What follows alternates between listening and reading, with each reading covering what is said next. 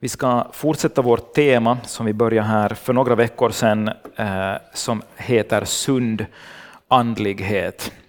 Sund andlighet, där vi vill tala om eh, vad en sund andlighet är och vad det inte är.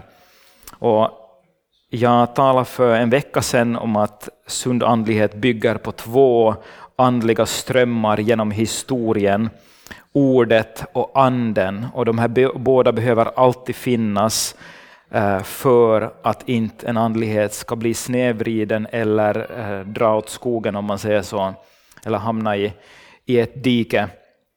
Och om du missar den predikan, gå gärna tillbaka och, och lyssna på den, den är grundläggande för den här serien eh, om sund andlighet. Men idag ska vi gå vidare. Och idag eh, skulle jag vilja tala med dig om vägen som sund andlighet färdas på. Alltid. Vägen som sund andlighet alltid färdas på. Hänger du med? Så vi har talat om två strömmar eller två pelare för sund andlighet, anden och ordet. Men idag vill jag tala om vägen som sund andlighet alltid måste färdas på.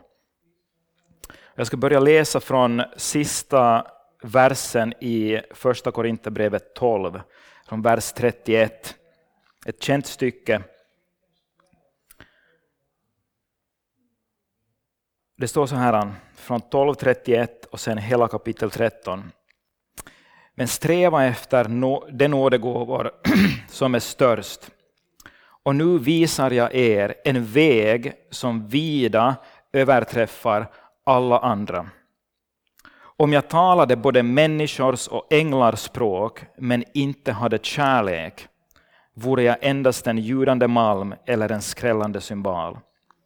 Om jag ägde profetisk gåva och kände alla hemligheter och hade all kunskap och om jag hade all tro så att jag kunde flytta berg men inte hade kärlek så vore jag ingenting.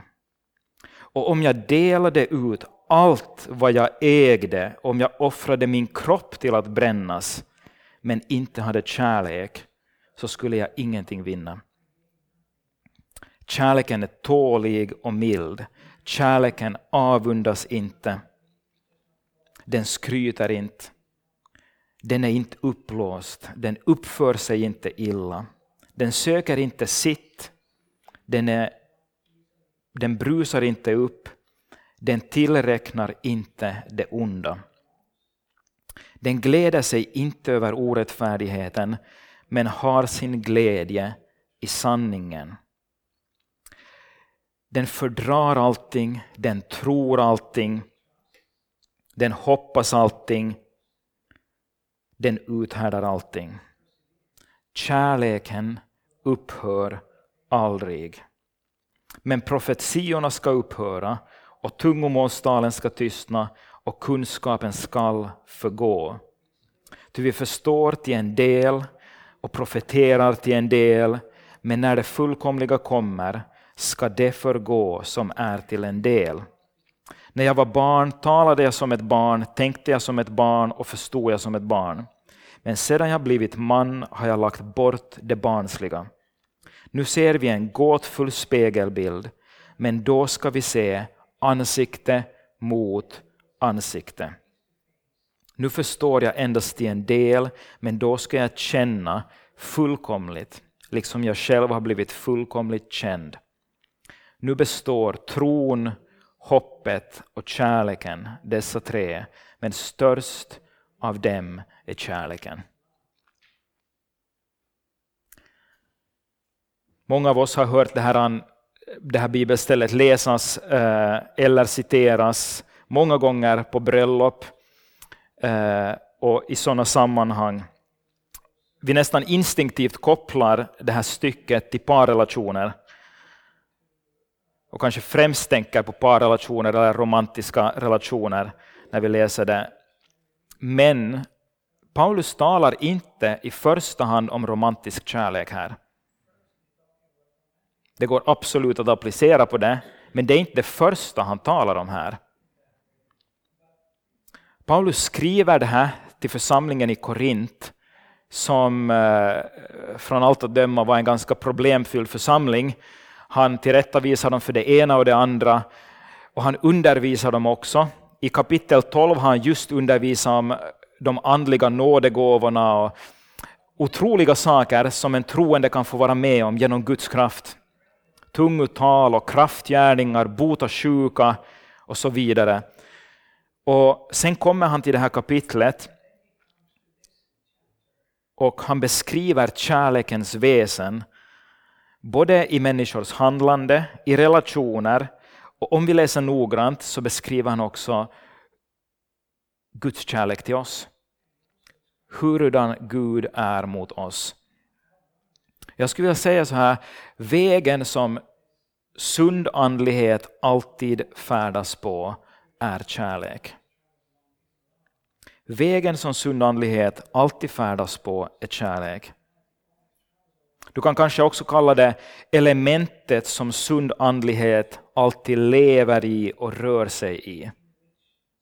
Var en sund andlighet verkar, där det finns en sund andlig rörelse, sund andlighet levs ut, så är elementet som allting händer i är kärlek.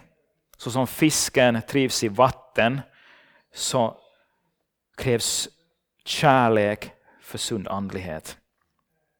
Du kan kanske också kalla det atmosfären som alltid präglar sund andlighet. När vi nu firar mors dag så skulle man ju också kunna ta det som bild. Du kan bland annat se den här kärleken i mammors liv. En gränslös, osjälvisk vilja att älska och sätta sina barn först och göra allt för deras bästa av rena motiv. Det är den här kärleken utlevd i praktiken. Om, om osjälvisk kärlek någonsin har skiner igenom i den här världen så skulle jag säga att det gör det i bland annat mammor. Och förstås är vi alla föräldrar, mammor och pappor, bristfälliga och ofullkomliga. Men, men där bland annat ser vi det ofta, skulle jag säga. Bibeln talar om den här vägen och Paulus säger att det är den högsta vägen. Han säger, efter att ha talat om helt otroliga saker, att bota sjuka, att tala på änglarspråk, tala tungomål, göra kraftgärningar, och allt det andra, eh, få ord av kunskap och vishet, veta saker som vi inte på något sätt mänskligt sätt skulle kunna veta. Urskilja andar. Efter det så säger han, men nu ska jag visa er en väg som vida överträffar alla andra vägar. Han säger att, att bland allt det här som vi anser att är väldigt andligt och som vi ofta tittar efter, som vi ofta söker, så finns det någonting som är väldigt mycket mer andligt än allt det som vi söker. De här yttre sakerna. Kärleken är det som borde känneteckna och skina igenom i all sund andlighet. Här kommer första punkten för idag utifrån det här bibelstycket som vi har läst. Och det är kärleken är måttet på sund andlighet. Inget annat. Det är den första punkten. Kärleken är måttet på sund andlighet. Du kan faktiskt ta temperaturen på andlighet. Ibland talar vi om det här liksom att ja, liksom känna in, ta temperaturen på ett sammanhang eller på någonting. Du kan ta temperaturen på andlighet. Du kan känna andlighet på pulsen för att se, är det liksom sunt? Ta pulsen på andligheten i ett sammanhang och frågan man då ställer sig är hur starkt verkar det här sammanhanget i kärlek? Det är inte hur mycket talar de i tungor eller hur, hur mycket offrar de? Hur mycket tjänar de? Jag ska just förklara varför jag säger också det. Utan det är hur mycket lever de i kärlek till varandra hur mycket uttrycker de kärlek ut i samhället? Det är att ta pulsen på andlighet, på sund andlighet. Då tar du tempen, tar temperaturen på ett sammanhang. Paulus börjar med att beskriva flera olika scenarion som vi vanligtvis ser som tecken på väldigt stor andlighet. Han börjar med att tala om någon oerhört andlig person, oerhört andlig i citationstecken person och säger om jag talar både människors språk och änglars språk. Troligen syftar han till tungotal som han precis just har pratat om. Han säger att om jag talar de här språken men inte har kärlek så tjänar jag ingenting på det. Han säger att jag är endast en ljudande malm eller en skrällande symbol. Det är ljud utan innehåll, ljud utan mening. Om någon talar, oavsett om det är mänskliga ord eller änglars ord, men saknar kärlek. Då säger han det är bara skrällande symboler och ljudande malm. Det är ord som inte kan få någonting till stånd. Han använder avsiktligt instrument som bara gör ett ljud, inte kan skapa toner. För musik är ett språk som du kan förstå, musik är ett språk du kan läsa och återge, men eh, skrällande symboler kan inte förmedla det som musik kan göra. Han säger att så är det om jag talar utan kärlek. Han går vidare och talar om att ha profetisk gåva och känna alla hemligheter. Vi ser upp till de som kan profetera och de som kommer med profetiska ord. När han, när han säger talar om att känna alla hemligheter så använder han ordet mysterion som Paulus använder upprepade gånger om Guds generalplan för hela världen. Hur Gud har designat världen, mysterion. Mysteriet som uppenbaras i Kristus, hur han gjorde en plan för att frälsa hela världen genom Jesus Kristus och hur han har designat allting för att allt till slut ska ära Gud. Det är vad Paulus använder mysterium för. Och han säger även om du skulle ha profetisk gåva att känna alla hemligheter, skulle förstå hela mysterion, Guds generalplan, men sakna kärlek, så skulle du ingenting vinna.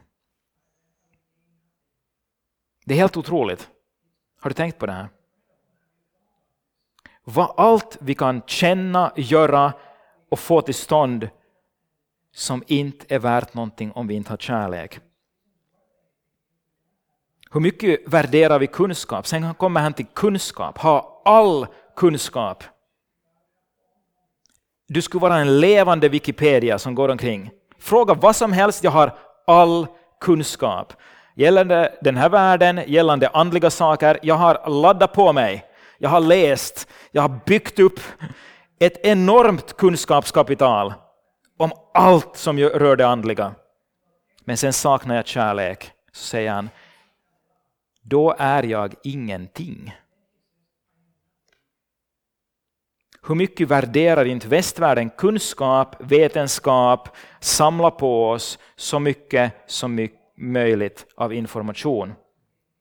Och vi blir, vi blir bombarderade med information i dagens samhälle via alla appar och eh, sociala medier och så vidare.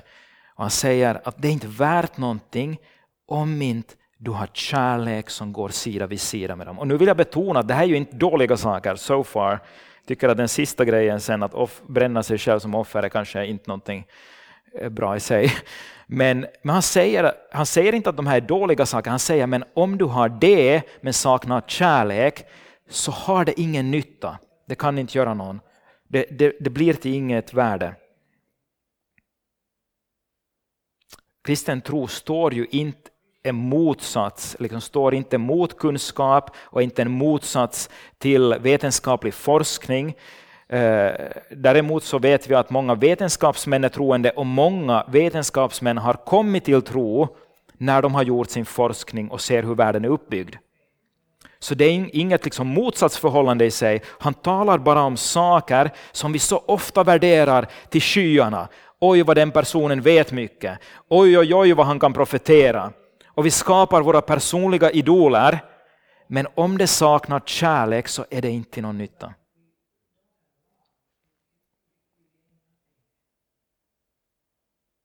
Sen talar han om tro. Människor med stor tro. Han säger att någon skulle kunna ha så stor tro att den personen kan flytta berg. Alltså just det som Jesus säger att är måttet på stor tro. Att flytta berg. Du kan säga åt berget, om du bara har tro som ett senapskorn så kan du säga åt berget att häva upp det och flytta på dig och det kommer att göra det.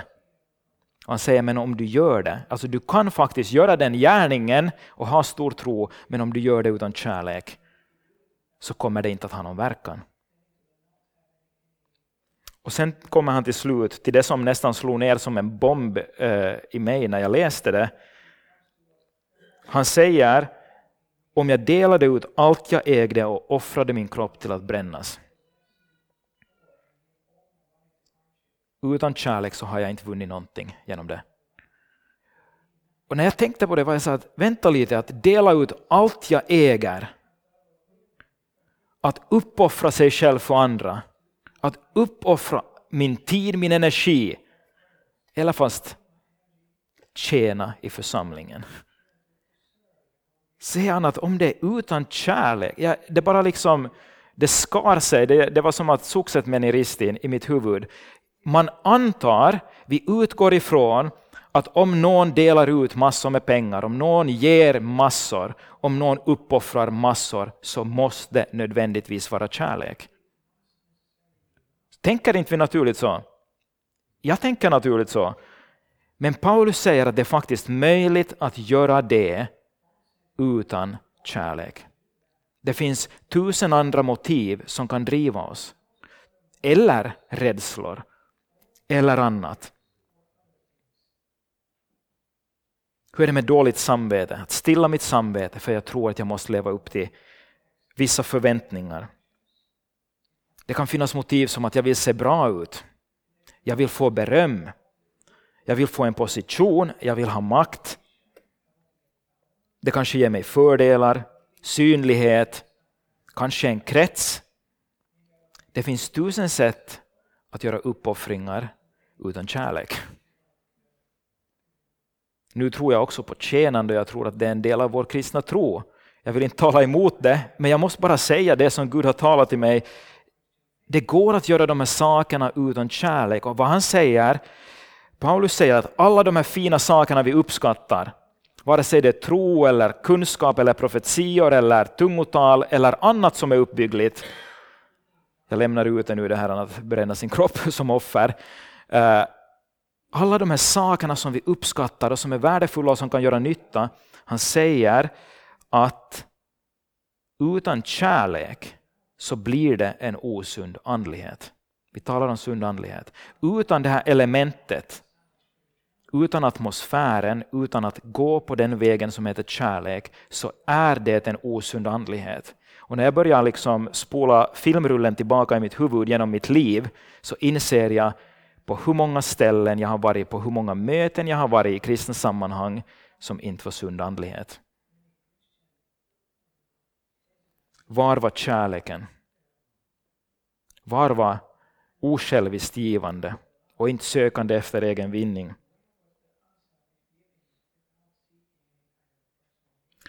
Det är här som Paulus börjar och han säger, han ger det här för att vi ska få upp ögonen och säger Förstår ni vad ni söker och vad ni tror att är stort? Men jag vill visa er vad som verkligen är stort och det är kärlekens väg.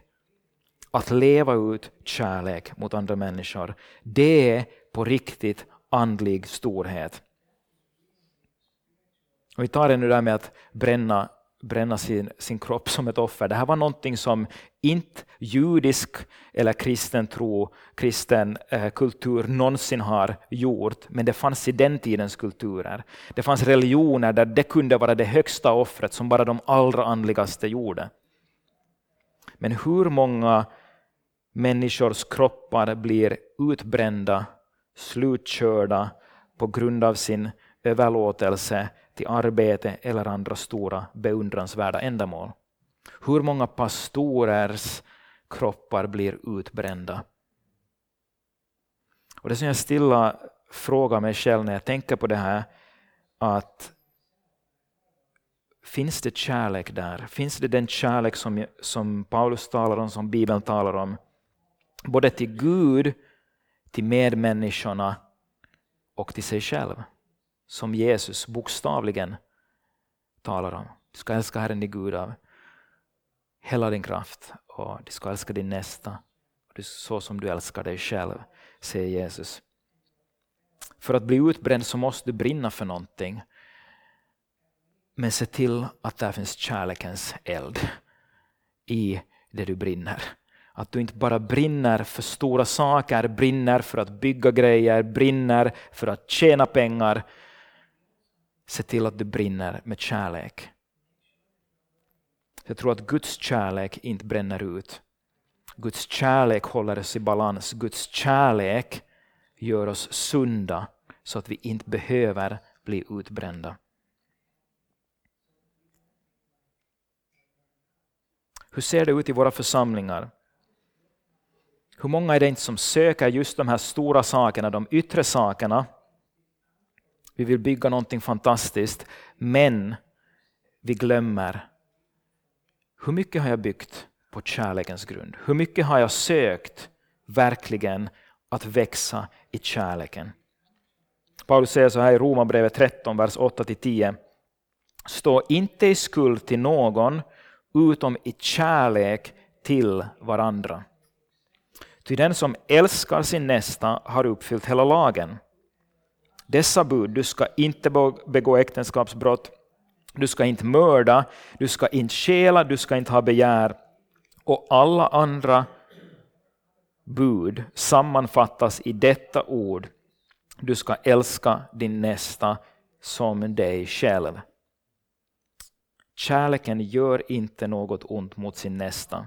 Alltså är kärleken lagens uppfyllelse.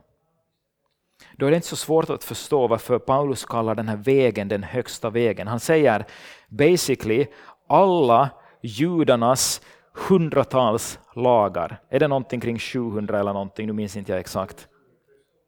Jättemånga. 630. Ja, 13. 613 bud i lagen. Jesus säger, och Paulus säger att alla de buden som vi annars borde hålla kan sammanfattas i ett enda bud. Du ska älska din nästa som dig själv. Alltså det är ju en mycket enklare pocket lawbook att ha i fickan. Om jag strävar till att alltid gå kärlekens väg så behöver jag inte oroa mig för de andra sakerna. Jag behöver inte oroa mig för att vänta nu håller jag alla buden, och nej, liksom, är jag tillräckligt bra? Nej, utan jag väljer att gå kärlekens väg. Jag väljer att alltid hantera situationer, hantera människor, min Guds relation utifrån kärleken. Vad är kärlek i den här situationen? En gammal metodistpastor, jag tror jag delade det här förut, but it's worth repeating. Eh, en gammal eh, eh, metodistpastor som hette Sergej Dubrovin. Han levde ännu precis när jag började min tjänst i metodistkyrkan. Första året, jag var ung metodistpastor och jag bodde då eh, i, på Apollogatan 5 i i Kristus, bredvid eller i samma hus som Kristuskyrkan, metodistkyrkan i, i Helsingfors. Och, och jag fick lära känna honom där och jag fick träffa honom personligen några gånger eh, före han flyttade hem till Herren. Jag tror att han var 92 år eller någonting när jag, när jag kom till Helsingfors och han dog bara ett, ett år efter det. Och vi satt och samtalade några gånger och, och han sa, sa en gång, Stefan, det viktigaste jag har lärt mig under, under alla mina år. Han sa att, att i varje situation, vad än du gör Stefan, så fråga vad är den högsta kärleken i den här situationen? Och jag tänker på det, ett enda råd, det har följt mig nu i 20 år, 20 år sedan jag började tjäna i Metodistkyrkan, och hur mycket hjälp jag har haft av det, hur mycket mera hjälp jag skulle ha haft av det om jag alltid skulle ha tänkt på det. Jag har absolut inte lyckats tänka på det alltid. Jag har inte lyckats leva utifrån det alltid. Jag är mycket ofullkomlig. Men vilket råd att ge. Eller som någon coach sa, what would love do? Som en fråga i olika situationer. What would love do? När du funderar på det här, what would love do? Och här måste man alltid inkludera kärleken till sig själv. Kärleken sätter också gränser. Kärleken behöver ibland vara, ha en, rak ryggrad och sätta gränser för människor. Ibland är den högsta kärleken att säga nej, det här kan jag inte göra för dig. För det hjälper inte dig att bli fri från ditt problem. Det hjälper dig inte att ta itu med det du kämpar med. Jag måste sätta en gräns här. Du kan inte gå över den här gränsen. Ibland måste kärleken göra också det, men så många gånger så sätter vi inte gränsen under premissen att ja, men det är nog kärlek att alltid ge med. Det är kärlek att alltid, alltid låta folk göra allt vad de vill. Den andra punkten i predikan, vi hastar vidare så vi inte, inte, inte sitter här hela mors dag. Andra punkten är alla kan odla och växa i kärleken. Alla kan odla kärleken i sina liv, alla kan växa i kärlek. Medan du inte kan förvänta dig att du får leva i alla Andens nådegåvor. Du kan inte förvänta dig att du kommer att vara, eh, ha all kunskap och i varje sammanhang vara den vassaste pennan i penalen. Du kan inte förvänta dig att eh, det är du som kanske kommer att vara den största givaren eller den som gör de största uppoffringarna. Men du kan växa i kärlek. Gud har inte begränsat det för någon människa. Den här människan kan inte växa i att älska. Det är någonting som varenda en människa kan växa i. Är inte det här en jättebra nyhet? Fatta, vi strävar efter nådegåvor, vi strävar efter kunskap, ge mig större tro, jag vill se större mirakler. Men Paulus säger att det är inte största. Jo, det är bra, sträva efter de största nådegåvorna säger han ju faktiskt, men han säger samtidigt en väg är ändå högre än alla andra och det är kärlekens väg. Om det är någonting du borde vilja växa i så är det kärlek. När jag förberedde mig för det här så tog Gud mig på bar gärning. Alltså, jag, jag kände som att ja, vi försöker, vi vill faktiskt göra jättemycket nytta och gott i Metsko. Men hur mycket har jag bett Gud under åren om att jag ständigt skulle få växa i kärlek till er?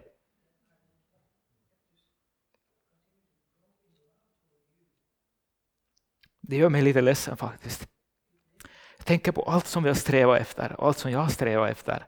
Hur mycket har jag bett Gud om att han skulle hjälpa mig älska er bättre? Där har jag misslyckats. Det kan jag bekänna här rakt upp och ner. Ursäkta om jag gör dig obekväm. Men jag behöver säga det, att jag ser en brist i mitt liv här. Jag ska kunna älska många av er mycket bättre under åren. Jag ska kunna prioritera min tid annorlunda. Men jag har också gjort samma miss som många av oss gör, att vi sätter annat högre än det här viktiga som Paulus talar om, att växa i kärlek. Det har väckts en ny längtan i mig den här veckan. Vad skulle hända om det här skulle vara mitt största mål? Paulus beskriver kärleken. Kärleken är tålig och mild. Kärleken avundas inte, den skryter inte, den är inte uppblåst. Den upphöjer in, eh, uppför sig inte illa, den söker inte sitt, den brusar inte upp, den tillräknar inte det onda. Den gläder sig inte över orättfärdigheten men har sin glädje i sanningen. Den fördrar allt, den tror allt, den hoppas allting, den uthärdar allting en klassisk övning, säkert många av er som har testat det här någon gång.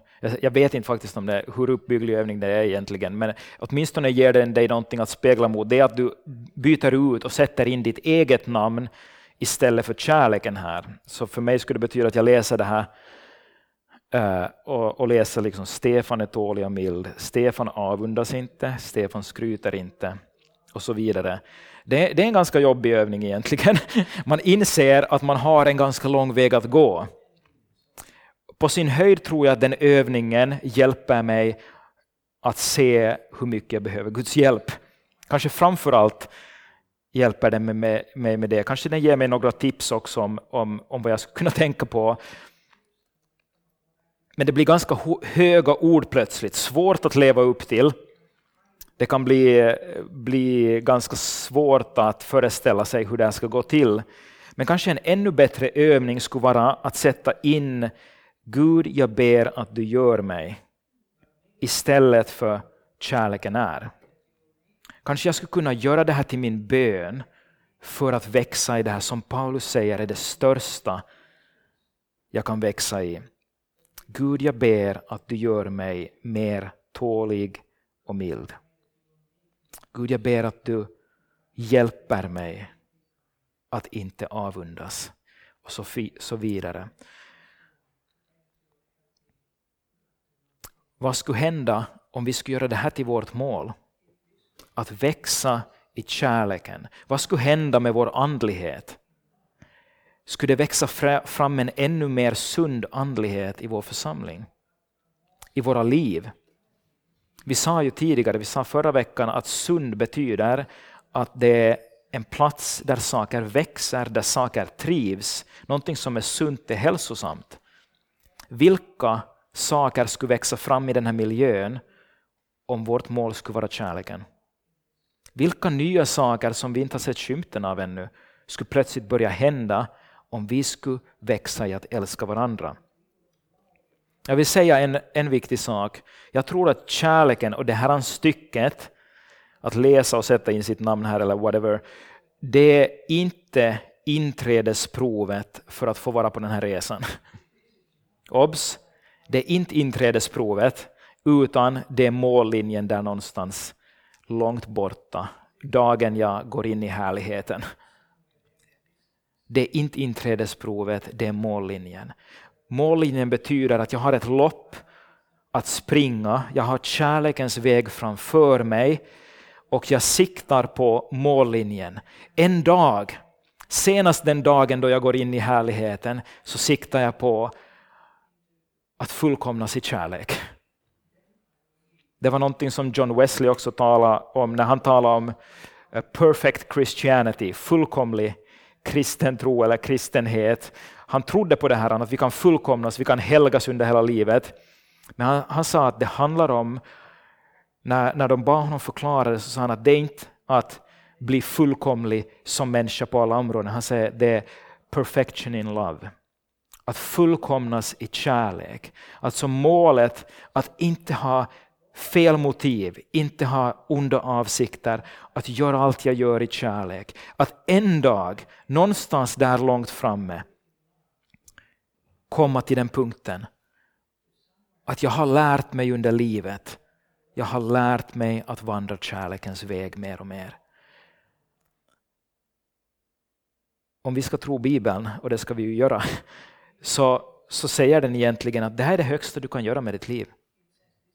Du kan göra det oavsett i vilken familj du föddes, oavsett i vilken livssituation du befinner dig, oavsett din utbildning, din begåvningsnivå, eh, ditt IQ, oavsett allt det där så kan du springa ett lopp och vinna som heter kärleken. Du kan växa i det här under hela ditt liv.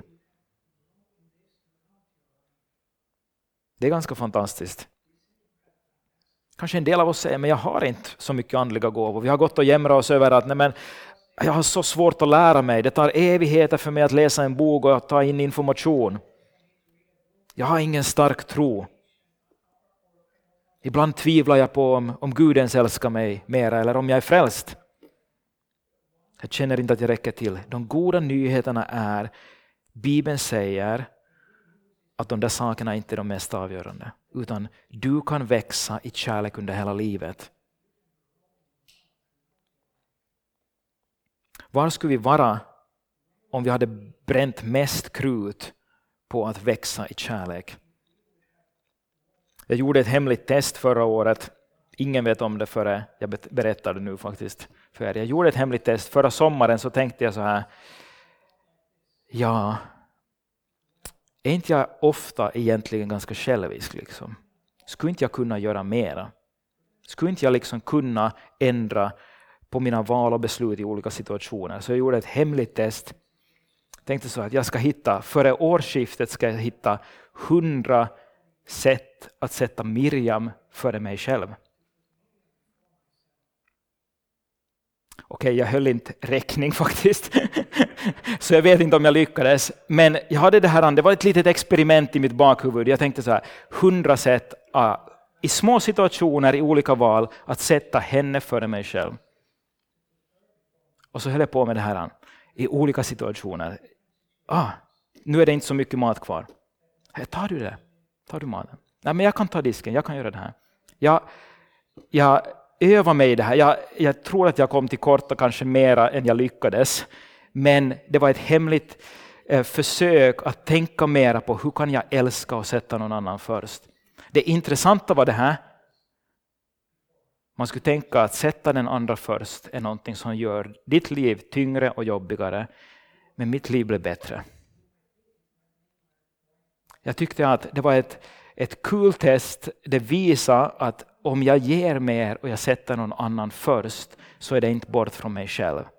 Det finns alltid mer kärlek. Det finns alltid mer som Gud kan fylla på oss.